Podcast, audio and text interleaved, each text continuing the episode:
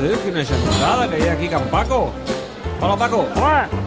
Posa'm una clareta, va. Avui estic content. Com estem? Molt bé, David, Ah, què tal? Canuts. Que les coses que han arribat a passar des que vam parlar per última vegada. Home, mira, mira si han passat coses que la gent té ganes de futbol, té ganes de veure el Barça, té ganes de veure què, què fa el Barça de Setién. Està a rebentar, Eh, i això. et dic una cosa, el Paco m'ha dit que vol retar a Setién en una partida d'escacs perquè el Que Paco... juga als escacs, el, el Paco, el, el fins i tot va arribar a fer una simultània amb Arturito Pomar, M'ho dius de veritat? quan ja no era tan Arturito, vull dir, quan ja era una miqueta això, vol dir, granadet. que- això vol dir que és veterà, el Paco. Home, Eh? home, el Paco ja... Perquè Arturito Pomar estem parlant de fa uns sí, anys, eh? però no, no quan era Arturito, quan era Don Arturo. Quan era ja Don Arturo. Don Arturo, eh?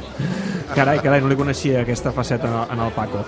Bé, um, el culer, malgrat tot, perquè déu nhi des, des que vam parlar tu i jo el cap de setmana passat, que va ser un cap de setmana intens, malgrat tot, uh, està content, està uh, il·lusionat. El culer està il·lusionat amb el canvi, perquè el culer volia el canvi. Volien una sacsejada. Eh? Volia, volia el canvi perquè jo coneixia gent que em deia no tornaré al camp mentre continuï aquest entrenador. I jo pensava, home, no és per tant.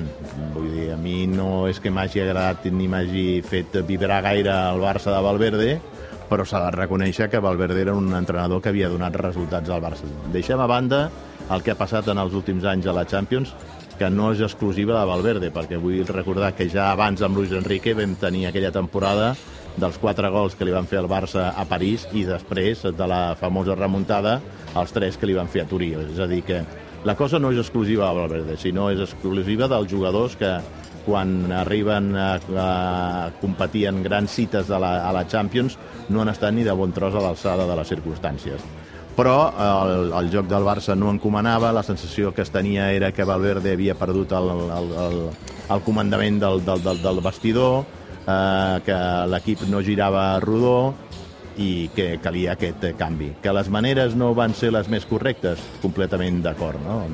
I Valverde no es mereixia el tracte que va rebre quan, quan el Barça eh, s'anava entrevistant amb entrenadors i sobretot quan es va conèixer la, la trobada, la cita amb Xavi Hernández i es va veure que Valverde tenia les hores comptades però que ell seria l'últim en, en, en, en assabentar-se. Uns no? moviments que també es poden llegir en clau electoral perquè ja sabem que Sí, perquè... Víctor perquè Font, un dels precandidats, sí, sí, perquè fix, aposta fixa't, clarament per fixa't, Xavi fixa't Hernández. una cosa. Des del club et venen, i des de les altres instàncies, que Valverde estava sentenciat, sí o sí, hagués Passés el guanyat. que passés a la Supercopa. Totalment d'acord. I a mi és, aquesta és la versió que m'ha arribat des de la, des de la cúpula cúpula del, del club. També el Xavi Campos aquí em va parlar en aquest sentit. I, I és curiós que el detonant de tot això, de la crisi aquesta al final, és la trobada amb Xavi. I fa una miqueta la sensació, després d'haver-te reconegut des de dintre del club que el Barça va tenir consultes fins a un total de 10 tècnics, es van arribar a entrevistar des de Koeman, des de eh, Pochettino, Allegri, eh, Milito, eh, qui més hi va haver? El, el García Pimienta, eh, bueno, un total de 10, que ara de memòria no, no, no te'ls diria d'una- tacada, no? Però el que Xavi, i és curiós que amb el que hagués estat l'escollit va ser amb l'últim que vam parlar perquè fins i tot hi va haver dos tècnics, un d'ells el de l'Ajax, que van venir a passar consulta durant les vacances de Nadal. I amb l'últim que parlen és amb Xavi, quan resulta que sobre el paper era l'escollit, no? Era, era, era, era el número 1, el favorit de la llista. És a dir, a mi tot això em sorprèn, no? Tu, que, el- que, que, el, com- que, el càsting, que el càsting hagués, hagués, hagués començat per la taulada, no? Això és per... Um, I hi ha hagut aleshores, clar, improvisació. I aleshores, improvisació, i aleshores tens la sensació que mm, la consulta amb Xavi, com tu bé deies, és bastant en clau electoral, no? Era, era intentar desmuntar l'estratègia de la- de l'oposició, del, de la, del que seria la candidatura de Víctor Font, que està molt centrada, molt, molt fonamentada en la figura de, de, de, de, de I des de la candidatura de Víctor Font, aquest, aquest episodi com l'han viscut? Home, amb, amb angoixa, amb angoixa, perquè el Si mateix temien dissabte... que el Xavi digués sí, mm, eren conscients de que era una gran oportunitat per Xavi, que a Xavi li feia il·lusió ser però que els entrenador del anava en Barça. contra eh, com a carta electoral. Mira, això sense anar més lluny. Jo et vull recordar que en el 88 Johan Cruyff va ser eh, fitxat pel Barça, per Núñez, quan Cruyff tenia tot un, jo no diria que un acord, però que havia de ser la bandera de l'oposició d'un grup que es deia el grup d'opinió, que, que és una miqueta el predecessor del, del, de l'elefant blau, amb gent com l'Armand Caravent, amb el Jaume Huguet, etc, el Jacint Borràs, l'Avaris Murtra, doncs eh, ells tenien a Johan Cruyff com la bandera de cara a les eleccions que s'havien de fer en el 89 i, i Núñez, que tenia l'opció de fitxar, recorda, a Clemente, que és qui li va fer la llista dels fitxatges, o a Cruyff, amb qui no es duia gaire bé, doncs es va decantar per Cruyff perquè va ser una jugada electoralista per desmuntar-li a la- l'oposició la seva estratègia. I en aquest sentit eh, es podria interpretar bastant el moviment que va fer el Barça al voltant de la figura de Per Xavi. tant, al final, eh, tal com han anat les coses i com ha quedat o amb, amb, amb, amb quina eh, posició ha quedat aquesta actual directiva, segons com, a Víctor Font i els seus ja els ha anat bé.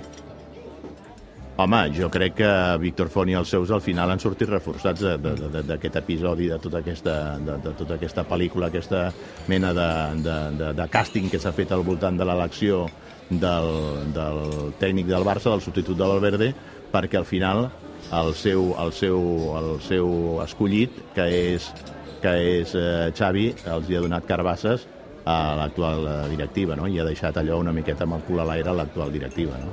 Bé, escolta'm, eh, no sé si avui aniràs al camp o el veuràs aquí a l'Snac Barça, aquest Barça-Granada. Tinc, tinc dubtes perquè fa aquest, aquest vent que, a més a més, dificultarà molt el Home, joc. aquí a Eh? l'Snac Barça sí està a la mar de bé, eh? Aquí eh, promet ambient, promet ambient. Promet I- ambient. Eh, I, I promet ambient el partit, eh, perquè Setién ha insistit tantes i tantes vegades, tant a la roda de premsa de presentació com a, ahir a la roda de premsa prèvia, que el seu equip eh, guanyaria o perdria, però sempre faria bon futbol. Que no deixaria indiferent a ningú. Sí.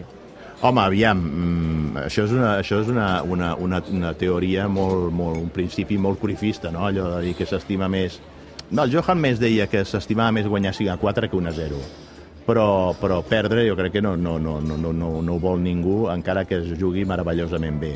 I la prova d'això és que la gent va quedar bastant tocada després de la derrota del dia de l'Atlético de Madrid, que va ser un dels dies que millor va jugar el Barça i que en canvi va, al final va acabar sortint perdedor i per tant doncs, el que s'espera de, de Quique Setién és que millori el joc de l'equip, òbviament, però que els resultats siguin bons perquè si per molt que tu generis expectatives i el teu equip eh, jugui de forma atractiva, perquè això de jugar bé, això de jugar bé, que algú m'expliqui què vol dir jugar bé. Una cosa és jugar de forma atractiva, però jugar bé, per exemple, també jugar bé al Liverpool i no és un equip allò, diguem-ne, de voler tenir la possessió de la pilota i de, i de jugar allò al toc i, i tenir el control del joc, sinó que és un equip que està molt basat en les transicions, en, en una velocitat i en una intensitat eh, enorme, i en canvi estan oposat al que és l'estil i la manera de jugar al Barça també juga al Liverpool bé eh, és a dir, una cosa és jugar de forma atractiva que és el que proposa el Barça de, de, de Quique Setién i una altra jugar bé, i el jugar bé sobretot et ve donat pels resultats.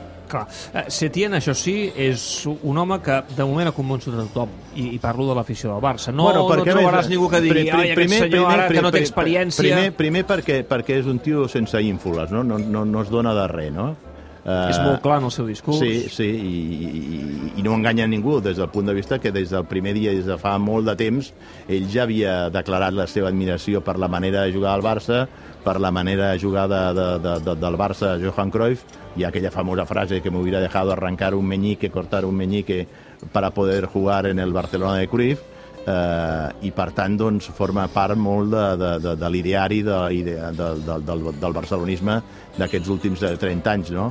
Per tant, sembla com si Quique Setién fos un dels nostres i a nivell del que ha estat tot aquest procés, jo crec que al final el Barça ha fitxat el millor que podia fitxar. Un cop ja descartats els que no podien venir. Un cop És que el mercat tampoc et donava moltes alternatives d'ADN Barça. Per això... I a més a meitat de Home, temporada. si al final el, el, el, el càsting era entre Pochettino, entre, entre Allegri i entre Quique Setién, el que més que sembla al Barça és eh, Quique Setién, que no té un palmarès extens, eh, no, però, però sí que és un entrenador que com, combrega perfectament i de manera abnegada amb el que són els principis del, del barcelonisme. Ara, d'aquí a dir, escolta'm, avui faré jugar Riqui Puig, eh, d'això, sobretot el que necessita mm, Setién per reforçar el seu projecte són resultats i, i, i victòries. I mica en mica anar millorant la imatge de l'equip. Ara, mm, evidentment, aquí a Setién se li exigiran títols. Clar.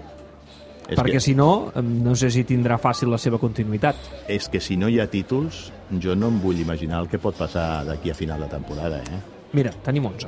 Tenim 11. el primer 11 ara. d'aquí que estic, estic frisos. Marta Carreras, a veure. Doncs tampoc us emocioneu gaire, eh? Que no, Ja, no, és- no, és m'ho imaginava. Hi ha- Tampoc, hi ha una coseta que a mi tampoc Marta, eh? tampoc Marta tenia molt on, on, on triar, eh? Eh, Això és veritat, però al mig del camp hi hagués pogut haver alguna, alguna sorpresa, alguna... Sí, però- Qui juga, Arturo, dibuix- el Arturo, dibuix- Arturo o Rakitic? Tots dos. El dibuix és interessant, eh? A veure, va, canta, Marta. A veure, Ter Stegen uh, jugarà a la porteria Sergi Roberto i Jordi Alba als laterals i aquí hi ha, jo diria que la sorpresa de l'11, que és jugar Piqué i Umtiti, no juga l'anglès. Al mig del camp juga Busquets amb Rakitic i amb Arturo Vidal i al davant tres homes que veurem quina és la disposició final, que són Ansu Fati, Messi i Griezmann. Per tant, confirmem que juguem amb 4 al darrere, eh? que no hi ha tres centrals, ja era bastant, bastant obvi, però clar, un tití jugant de, de titular i no juga a l'anglès. No, no té cap problema físic, oi? No, que en tinguem No, constància oi? cap. no, no, no. Estava percebut de sanció, però vaja, no, no crec que vagi per aquí el tema. Molt bé, doncs uh, m'ho repeteixes, Marta, d'una tirada? A la porteria, Ter Stegen a la defensa, Sergi Roberto i Jordi Alba als laterals, amb Piqué i Umtiti a la defensa, a l'eix de la defensa, al mig del camp Busquets, acompanyat de Rakitic i d'Arturo Vidal, i al davant Ansu Fati, acompanyant a Messi i a Griezmann. Gràcies, Marta. Fins ara. Fins ara, ara et sentirem a la TDT. Uh, cosetes, eh? Juga un tití, no juga l'Englet, Bueno, uh, aquesta- juga Arturo Vidal... Aquesta és la coseta, no? Galons. Perquè, perquè al final el, el, el, els altres seria, com diria Toixac, los 11, ca- los 11 cabrones de siempre, no? Sí, i bé, hi havia potser el dubte uh, de si Ansu Fati o Carles Pérez, al final Ansu Fati. Ja, ja. Home, però... mm, No t'ha sorprès? No m'ha sorprès, home. Home, el tema un tití no està malament, eh? Jo ho interpreto com, com, com un intent de, de, de recuperar per la causa un tití, no? No està, no està al moment els dels dies que l'hem vist, eh, bueno, no ha ofert, si, diguem-ne, si, garanties. Si cada vegada que juga després el següent és anar a la banqueta, no el recuperaràs per la causa. I aleshores eh, el Barça, aviam, està tenint un problema d'encaixar gols. Eh, alguna cosa s'ha de fer.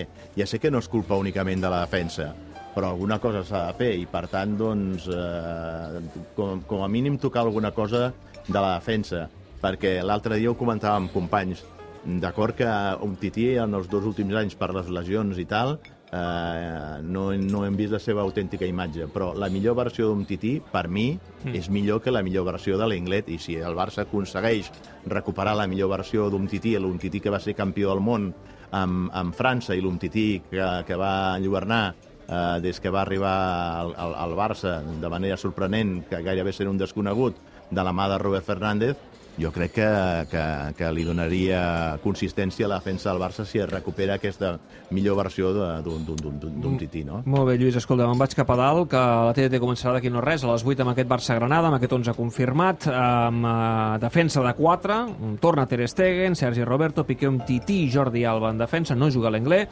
Rakitic, Busquets, Arturo Vidal, Riqui Puig, per tant, a la banqueta, Messi, Griezmann i Ansu Fati al davant.